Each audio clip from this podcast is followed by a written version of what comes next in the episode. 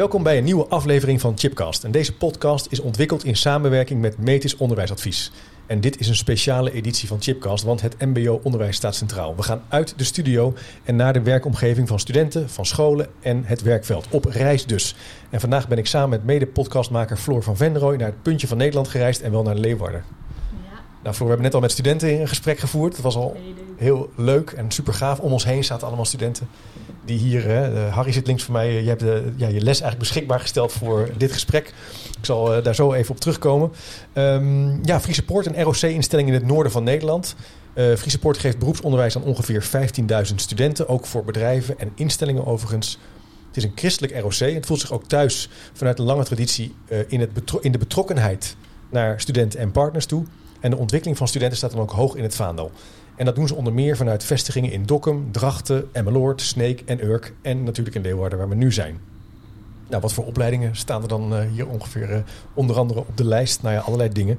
Technisch engineer, onderofficier, grondoptreden, medewerker maritieme techniek, servicemedewerker, waterbouwer. Ja, van alles. Boten bouwen volgens mij zelfs. Ehm, maar we gaan het vandaag hebben over digitalisering. Dus de trend van ja, online, je tablet, je telefoon gebruiken in het onderwijs. We komen natuurlijk uit een coronatijdperk. Hoe zit dat eigenlijk erbij? Hoe staan we ervoor en hoe is het voor docenten? En positief gezien, hoe zet je digitalisering in op een goede en verantwoorde manier? Nou, Friese Poort heeft daar eh, best wel al wat eh, mooie bewegingen in ingezet. Heeft ook een eh, digitaal kompas. Daar gaan we het ook in de derde podcast over hebben. Maar dit is de tweede podcast, na de podcast met de studenten die je misschien hiervoor hebt geluisterd. Nu gaan we dus met docenten dat gesprek voeren.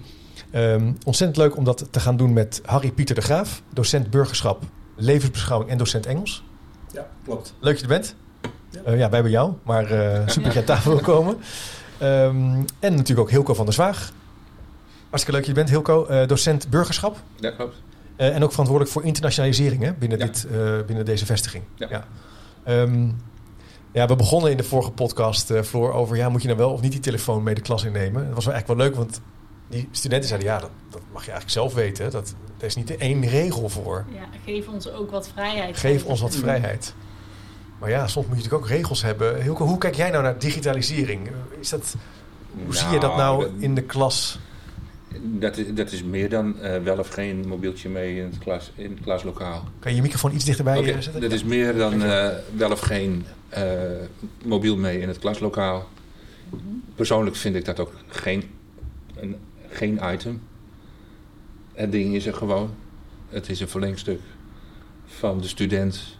Ehm, dus dat is niet de discussie. Maar ik denk het belangrijkste is vooral wat er zich in die digitale wereld afspeelt en hoe dat invloed heeft op het denken en het zijn van onze studenten. Dat is denk ik, eh, daar, daar moeten we het over hebben met onze. Kijk, dus het gaat niet over je dieper. telefoon. Ja. Laagje dieper, Harry. Nou, Ja, We gaan een laagje dieper. Ik, ik hoor het, ja.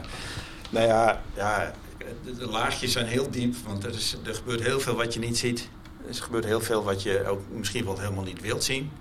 Eh, we hebben bij ons, om daarbij aan te sluiten wat eh, Hilco zegt, eh, we hadden een tijdje van die, van die dingen aan de muur. Daar konden dan mensen hun telefoontje in doen.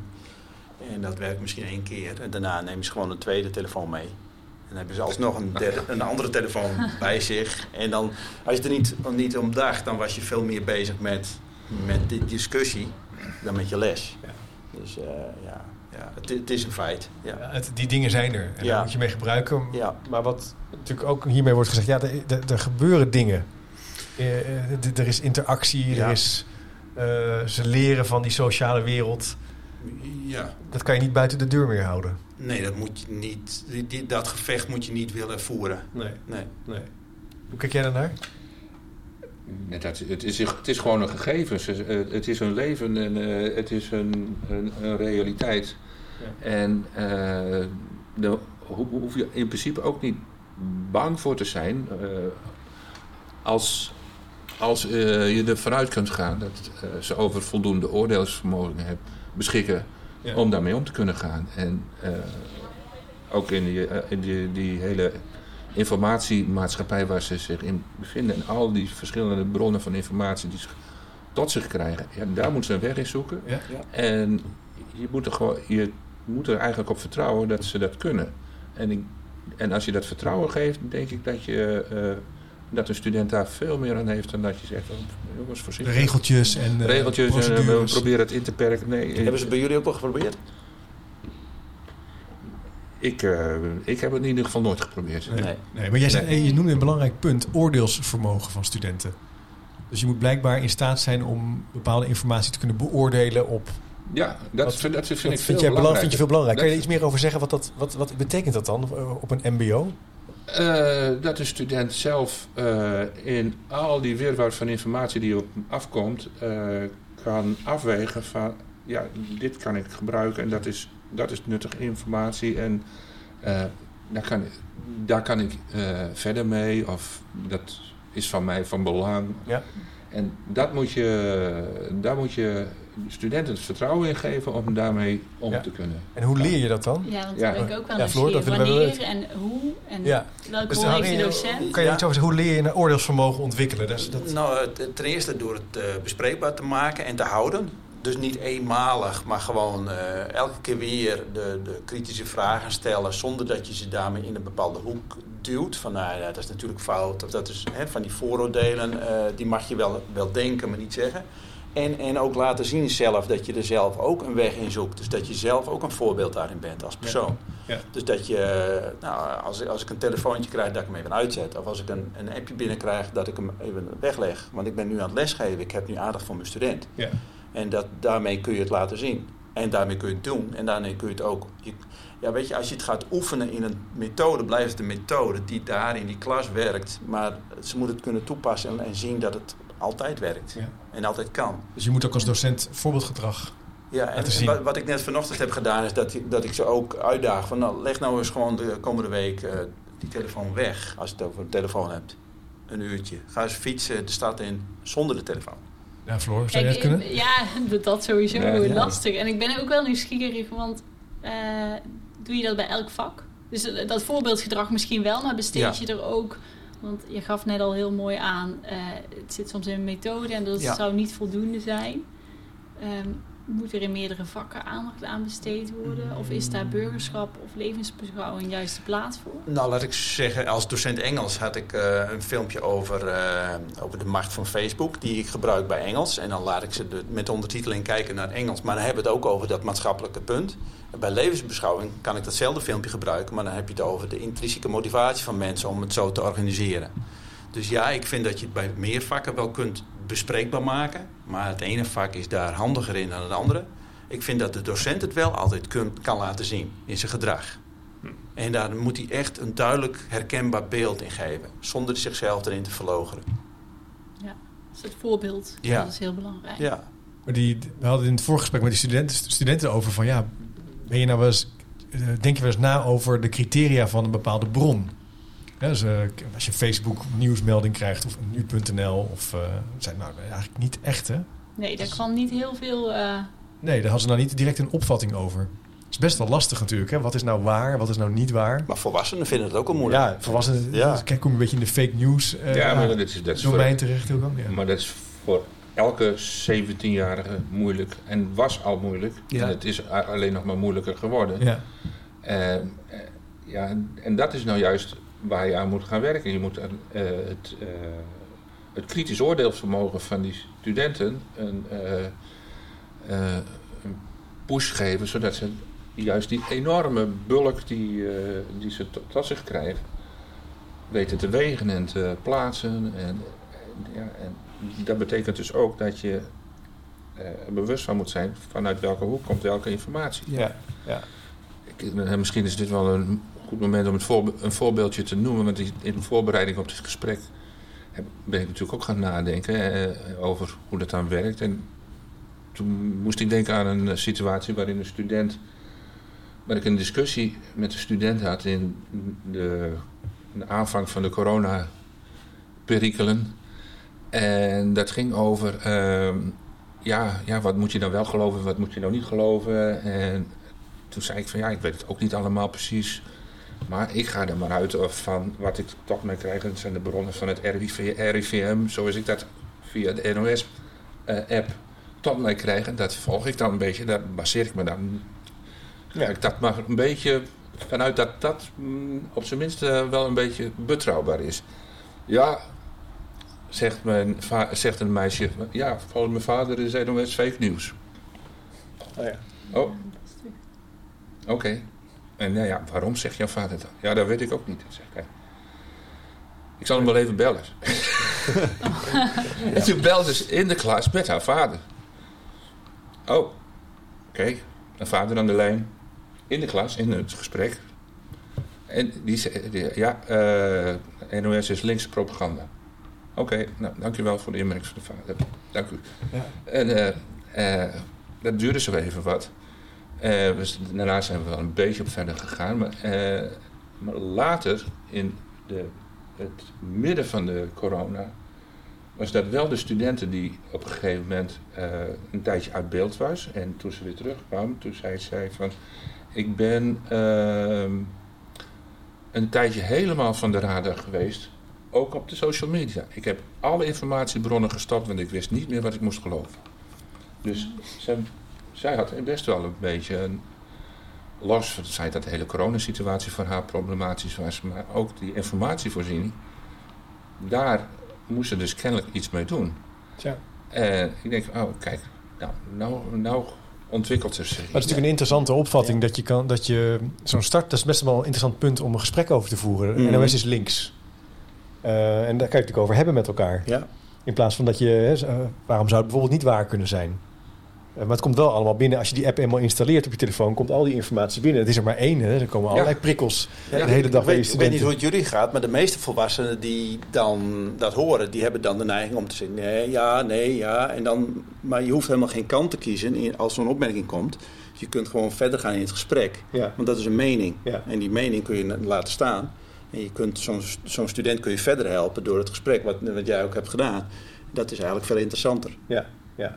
Wel mooi, hè, want ik denk ook dat docenten ook wel soms geneigd zijn om te gaan overtuigen. Ja, Waardoor je ze misschien nog verder kwijtraakt. ja.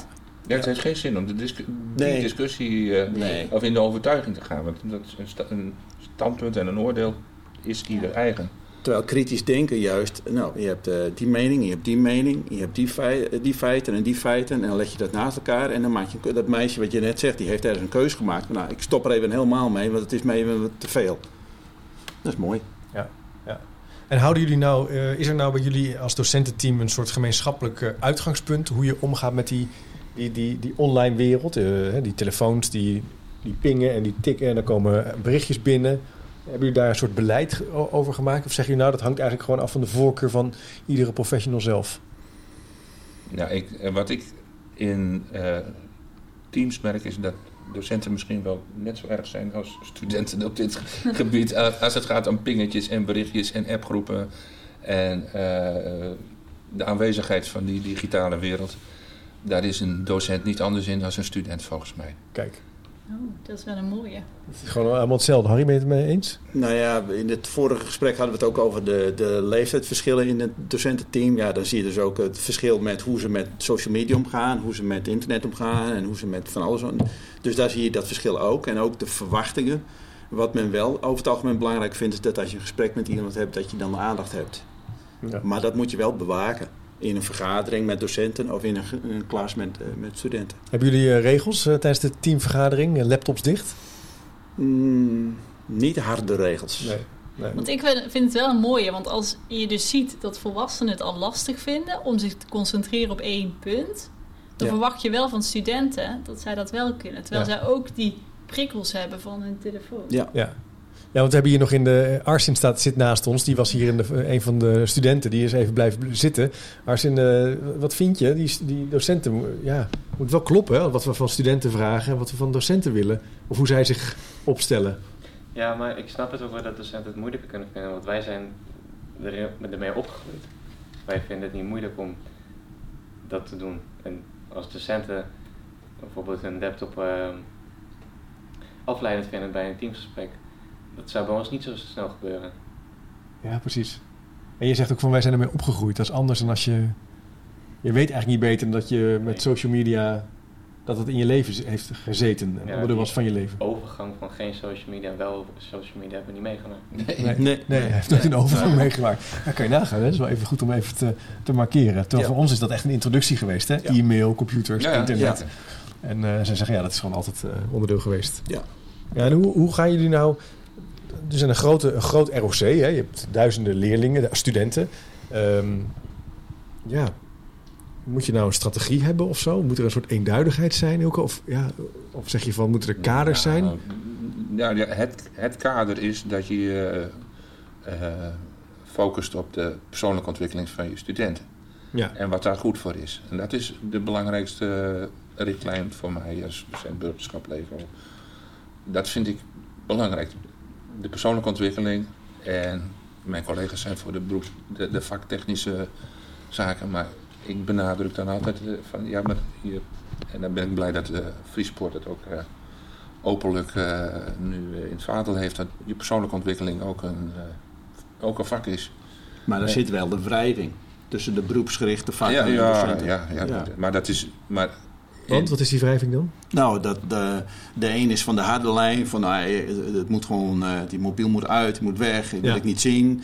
En, en de andere zegt van nee, maar het is onderdeel van het leven en het is onderdeel van, het, van de les en je kunt het ook gebruiken. Dus Ja. daar zit, zit niet alleen de generatieverschillen, maar ook de... Nee, maar ook type werk, type, Ja. type activiteit, type Ja. leeractiviteit, Ja. onderwijsactiviteit. Ja, ja, En daar, kan, daar is altijd verschil tussen zitten. Dat herken Ja. ik ook. Een docent eh, doet het anders dan de andere docent. Ja. maar als je vraagt naar van wat, wat voor Ja. beleid of strategie zou er moeten gehanteerd worden, is dat vooral denk ik het belangrijkste kader waarop je moet sturen. Van wat is goed voor de. Ja. wa- Wat draagt bij aan die persoonlijke ontwikkeling van je student. Ja. En, En het eh, leergedrag. En, en, en actief deelnemen aan die digitale wereld is daar een must bij. Dat moet je leren. Ja, ja. En dat, dat moet je, daar moet je kaders voor bieden. Ja. En dat gaat verder dan eh, regeltjes voor wat, hoeveel appjes je mag hebben. Of, eh, Maar hebben jullie het idee dat door, door de digitale ontwikkelingen... dat zeg maar, vakken als ja, ja, dat burgerschap belangrijker zijn geworden? Of je normen en waarden, hè? Dat, dat, dat, dat is ook wel iets wat je hoort. Hè? We moeten de studenten weer leren om eh, ja, zich netjes te gedragen. En appjes kan je lekker snel reageren. En je hoeft niet meer beste meneer te zeggen. Je kan gewoon zeggen, oké, klats, je gooit het eruit. Nou, men beleidt het wel met de mond, maar eh, in beleid en in tijd, echt in, in uren en zo, is het nog wel een proces hoor. Ja, En je moet er wel steeds voor waken dat het eh, zichtbaar blijft. ja, ja. Dus, Het is niet zomaar eh, één keer eh, per week. Het moet een doorgaande lijn zijn. Ja, Ja. ja. Ja. En als burgerschapdocent moet je echt bewaken dat je de tijd hebt met de studenten. Maar ja, dat, het, is, het vindt niet alleen plaats in die burgerschapslessen natuurlijk. Het moet eigenlijk in die andere, andere plekken ook, Ook. plaatsvinden. Ja, dat is ook wel een mooie. Zeker eh, die beroepsgerichte vakken. Hoe ziet het straks in het werkveld eruit? Ja. Mogen ze daar een telefoon of niet? Ehm, Ja, Hangt ook van, van het vak af, ja. Ja, Da- daar kan ik mooi bij aansluiten. Want in het derde jaar bij handel, daar sluit ik af met de beroepsintentie die ze moeten schrijven bij levensbeschouwing. En dan gaat het ook over dit soort dingen. Voorbeeldgedrag en ook digitaal voorbeeldgedrag. Dus Ja. dan heb je het er ook echt over. Ja. Dus dan maak je de link naar, naar het beroep. Ja, je kan niet als beveiliger zomaar even op je telefoon eh, zitten als je, als je je ronde loopt. eh, en eh, als servicemedewerker, manager, een beetje bij de kassa iemand aanspreken en tegelijkertijd even je mail checken. Ja, dat zijn dingen die dan niet echt de bedoeling zijn. Maar ja, die telefoon is wel, je kan alles doen op die telefoon. Ja. ja. En, en ehm, eh, dan gaat het ook veel over, ehm, even een ander thema aansnijden, flexibilisering van het onderwijs. Hè. Digitalisering zorgt ervoor dat studenten overal en altijd kunnen leren. Hè. In het weekend, tijdens de vakantie, ze kunnen inloggen, ze kunnen online leren. Eh, is dat een. Ik heb soms het idee dat het een beetje een hype is. Hè? Dat we soms wel denken, ja, maar ja, die docent, want die docent, dat merkt hij ook aan die docent, aan studenten net. Die zeggen, ja, maar het is toch heel fijn om hier te zijn. Gewoon docenten ontmoeten. ja, gewoon weer in het echt. Ja. Gewoon Ja. in het echt. Ja. Daar komen ze echt voor. Dat zeggen ze allemaal. Van dat vinden we het meest leuke. Dat is ook zo. Ja. Dus hoe, hoe kun je het dat zeggen vind- over En dat vinden de docenten ook hoor. Ja, ook, ja. Ja. Ja, dat Ja. is gewoon. eh, Ja, Ik was ook erg blij dat we na de zomervakantie weer gewoon in een, in een, eh, in een klas zaten met eh, leerlingen. En in het begin was iedereen nog enthousiast en daarna werd het gewoon weer gewoon ouderwets leer, leraar, eh, leerling in de klas. En eh, gewoon, had je weer gewoon een klas ja. waar hij eh, gewoon klasse dingen had. En zo, Het is gewoon zo'n klas, zo'n groep. Ja, waar dingen gebeuren die... eh, ook in het mbo. Want je, want je soms hoort heel wat wrijft en wat soms wat moeilijk. Ja, tuurlijk. En, en, eh, nou, maar, Ja, maar je hoort heel veel over, ja, maar eh, gepersonaliseerd onderwijs. Ieder voor zich. Je kan je eigen leerroute bepalen. Ja, je hebt geen ik- vaste klas meer. En, Ik heb, maar ik heb ook wel studenten gehoord die zeiden van ja, maar sommige situaties vond ik het best wel heel handig dat ik gewoon op eigen tempo, eigen Ja. manier Ja. een laptop en- opentrekken en Ja. een ding kon maken en inleveren Ja. en opsturen, hartstikke makkelijk. En voor, wat mij betreft, voor mijn internationale eh, zaken ook, dat je een klas online eh, in Nederland met, tegelijkertijd met een klas online in Finland naast elkaar kan Ja, zetten. dat is natuurlijk super. Ja. Hartstikke handig. En dat deed Maar- je daarvoor minder. Dat Dat, deed- de- dat deed je daarvoor Ja. eh, in principe eh, door in het echt uit te gaan wisselen. Ja. Wat natuurlijk qua leeropbrengst weer een hele andere eh, Ja. Ja, maar je zegt eigenlijk van die ontmoeting, die met elkaar een groep zijn, Ja, blijft heel belangrijk. ja, voor studenten, maar ook voor docenten. Ik vond het wel ook een interessante, want daar hadden we het ook over met die studenten. En dan zag je ook wel wisselingen. Waarbij sommigen zeiden, ik vind het fijn als het, als het naar mijn leervoorkeur, dat ik een beetje zelf kan kiezen. En een ander zei, nee, doe gewoon het een of het ander. Anders is het onduidelijk. Ja. Ja. Dus dat vond ik ook wel, daar zag je ook Ja. wel weer verschillen. Duidelijkheid is wel belangrijk. Oké, dus wat je ook doet, als het maar duidelijk is. Maar de- we blijven dus wel. ehm, je hebt mensen, je hebt, ja, dat zijn de mensen die zeggen dat ze de toekomst kunnen voorspellen. Die zeggen nee, scholen gaan verdwijnen. We hebben straks kan je gewoon via je tablet je eigen leerroute, micro-credentials, je kan edu-badges. Maar volgens mij zeggen jullie, nee, maar je zal ook het belang van zo'n groep bij elkaar komen in zo'n klas met een docent. Dat hele, ja, dat hele ritueel, dat is, dat is waardevol. Ik Ja, geloof tuurlijk. wat je ziet met eh, online verkoop ook. Dat op, een- op een gegeven moment willen ze toch ook wel weer een, een verkooppunt of een uitgiftepunt. Of je wilt weer contact met die mensen. Gewoon Ja. ze zien, eh, Ja. voelen. Zeg maar, dat hou je. Dus dat heb je met onderwijs Net als Coolblue ook gewoon Ja. Ja. Ik mag misschien geen reclame maken, maar die hebben ook gewoon een eh, verkooppunt of afvalpunt. toch? Ja, je moet het juist hebben van die persoon. Dus het is handig als het je kan ondersteunen in je leerproces.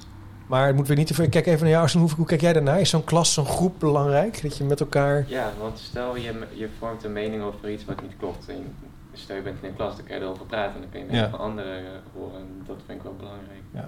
Dus het helpt je ook om nieuwe informatie te ontdekken, nieuwe opvattingen te verkennen, misschien je mening bij te stellen. Wel mooi, dat je leert van elkaar Ja. ook. Ja. Precies. Dus je zou kunnen zeggen, als het even doortrekt, als je te veel in die bubbel van online gepersonaliseerd onderwijs zit, dan kom je een beetje, kan je een beetje in, je- in een bubbel komen. Ja. Kan je een beetje in je fake news bubbel komen. Ja. Hm. En Ja. daardoor, als je elkaar ontmoet, kan je kritische gesprekken voeren. Ja. Kan je leren van elkaar, kan je leren van een expert. Nou ja, alleen al de toon waarop mensen iets zeggen, dat filter je niet in een online, in een Nee. chat of Nee. in, een, Ja.